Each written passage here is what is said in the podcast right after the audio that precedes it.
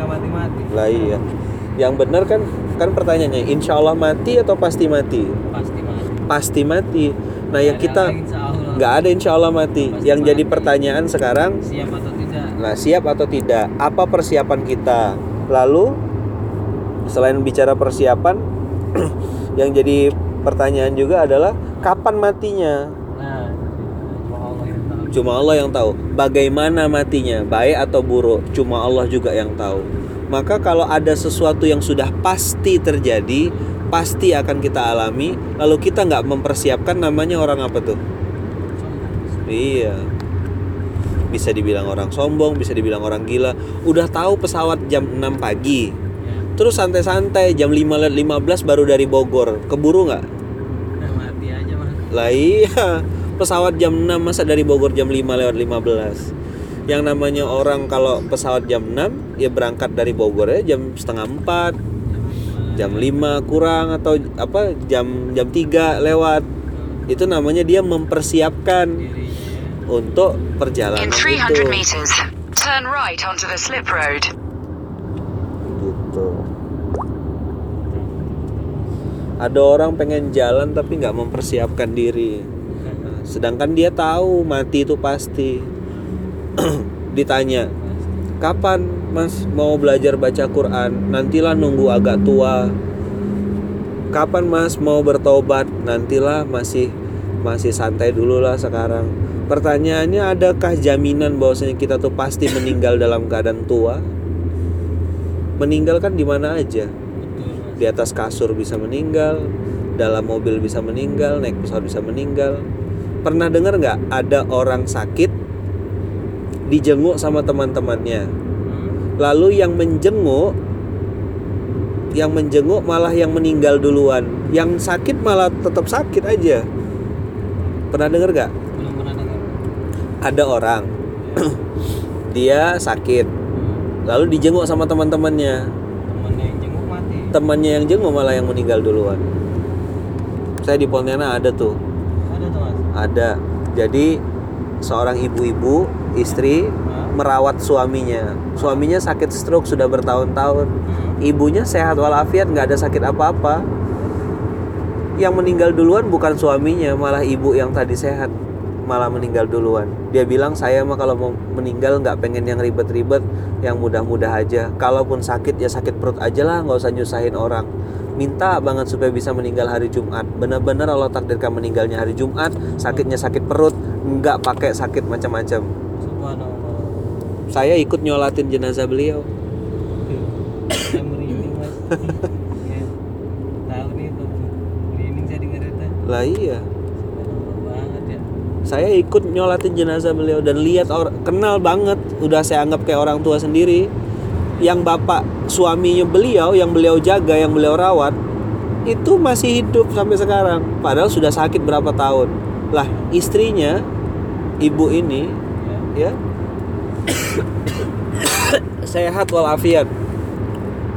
Sakitnya sakit perut cuma berapa jam sakitnya bawa rumah sakit meninggal langsung nggak ada jantung nggak ada stroke nggak ada kencing manis nggak ada apa. Ada jaminan ya iya lah jadi sekarang siapa orang yang paling cerdas kata Rasulullah? Siapakah orang yang paling cerdas? Jawabannya orang yang paling cerdas adalah orang yang paling banyak mengingat kematian.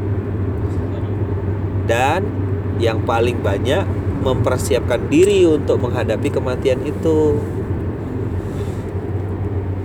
Kan udah tahu mati itu pasti, kecuali kalau dia nggak tahu kalau mati itu pasti, ya kan? Nah, kalau orang sudah tahu mati itu pasti, maka dia akan mempersiapkannya.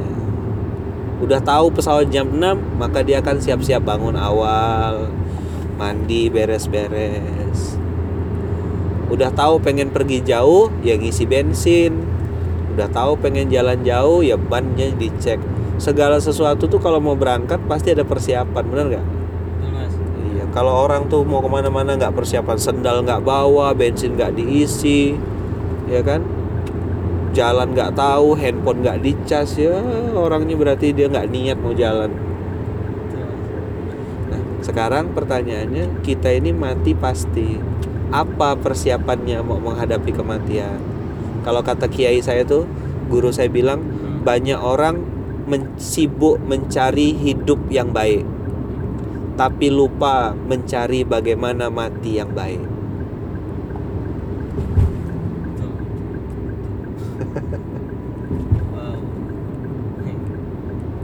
Ya.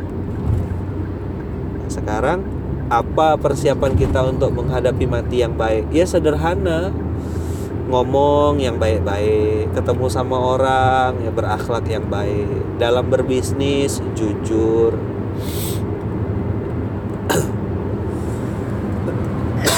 ketika dipercaya kita amanah. Ya kan? Karena Mas Rizky kan juga gini loh di sisi lain ya Mas Rizky ini adalah penyedia jasa. Mas. tapi di sisi lain Mas Rizky kan juga konsumen. Sekarang saya tanya Mas Rizky beli beli buah misalnya buah apa ya buah semangka contohnya biar gampang beli buah semangka di satu toko. Tanya Mas berapa ini? Oh sekilo 8000 Pak. Begitu ditimbang sama dia dengan timbangannya dia ternyata 5 kilo. Iya. Mas Rizky pulang ke rumah iseng. Balik ke rumah timbang. Ternyata tidak sampai 5 kilo cuma 4 kilo setengah. Saya mau tanya Mas Rizky balik lagi ke situ untuk beli lagi sama dia atau pindah cari apa penjual yang lain? Penjual yang.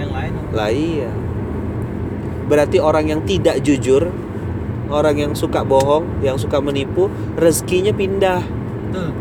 Bukan karena Allah tapi karena diri dia sendiri. diri dia sendiri kan tapi kalau orang jujur contoh Mas Rizky ketemu sama orang nih terus dia dagang buah semangka tadi ya Iya. begitu ditimbang dia bilang pak ini 5 kilo begitu Mas Rizky pulang ke rumah timbangannya pas nggak lebih nggak kurang bener gitu tepat kira-kira besok Mas Rizky balik lagi atau beli tempat lain Balik lagi mas. balik lagi kenapa Jujur. Iya. Berarti kalau orang jujur dicari orang. Orang jujur itu di disenengin sama orang. Orang jujur itu pasti rezekinya lebih berulang-ulang rezekinya. Tapi coba kalau nipu, kita bilang apa? Kapok gue, nggak bakal ke situ lagi, kan gitu. Bahkan kita ceritain sama orang, lu jangan ke warung itu ya, jangan ke toko itu ya. Dia nipu tuh timbangannya nggak beres dan segala macam. Bukan hanya kita kecewa, tapi kita akan promosikan kepada orang supaya jangan datang ke sana. Itulah orang orang penipu, itulah pembohong, itulah pendusta. Nggak punya rezeki. Betul mas. Setuju saya mas. Nah iya, Saya amit-amit dah. Kalau untuk masalah kayak gitu saya takut mas. lah iya. Makanya kan saya bilang tadi mempersiapkan mati yang baik itu sederhana, jujur apa adanya, ya kan? Barang-barang yang bukan milik kita ya jangan kita ambil dan seterusnya lah. Apa aja gitu, ngomong yang baik-baik, ketemu sama orang. ya. Kalau nggak penting-penting ya nggak usah ngomong. Kan gitu kata Rasulullah. Barang siapa yang beriman kepada Allah dan hari akhir, Iya. maka hendaklah dia berbicara yang baik-baik atau diam. Gitu kira-kira. Jadi mempersiapkan mati yang baik itu dengan cara-cara yang sederhana. Minta doa sama orang lain, minta doa sama orang tua. Bu doain saya. Ketemu sama orang, Pak doain ya Pak ya. Saya ini lagi sudah nikah, pengen punya anak. Minta doanya. Oh iya mas didoain. Kita kan nggak pernah tahu dari mulut siapa doa dikabulkan. Oh iya betul ya kan? Sering-sering aja minta doa. Kayak mas Rizky ini kan sering nganter-nganterin orang. Ini kan orang musafir itu kan orang yang dalam perjalanan doanya dikabulkan Allah. Wah amin. iya minta aja doa sama mereka. Pak bapak kan lagi safar lagi jalan. Orang yang safar itu pak kata Rasulullah doanya dikabulkan Allah pak. Doain saya pak ya. Saya pengen punya anak. Pasti customernya seneng. Amin. oh iya mas. Ya saya doain ya. Mudah-mudahan bisa punya anak. Saya punya jamaah punya teman-teman. Itu tiga tiga tahun nggak punya anak. Ada yang tujuh tahun nggak punya anak. Alhamdulillah sekarang udah pada punya. Iya. sekalinya kembar langsung dua. Laki-laki perempuan kembarnya. Waduh. ya Allah semua itu. Tapi ada juga yang sudah keluar uang hampir satu miliar nggak punya anak juga karena memang belum diizinkan Allah. Diizinkan sama Allah. Iya. Dia duit punya. Miliaran. Bisnisnya di Australia ada di Indonesia ada. Tapi Allah nggak izinkan punya anak. Nggak dapat sampai sekarang. Gitu. ya? Iya. Tapi ada yang terus datang ke Allah terus datang ke Allah terus minta ke Allah. Allah kasih.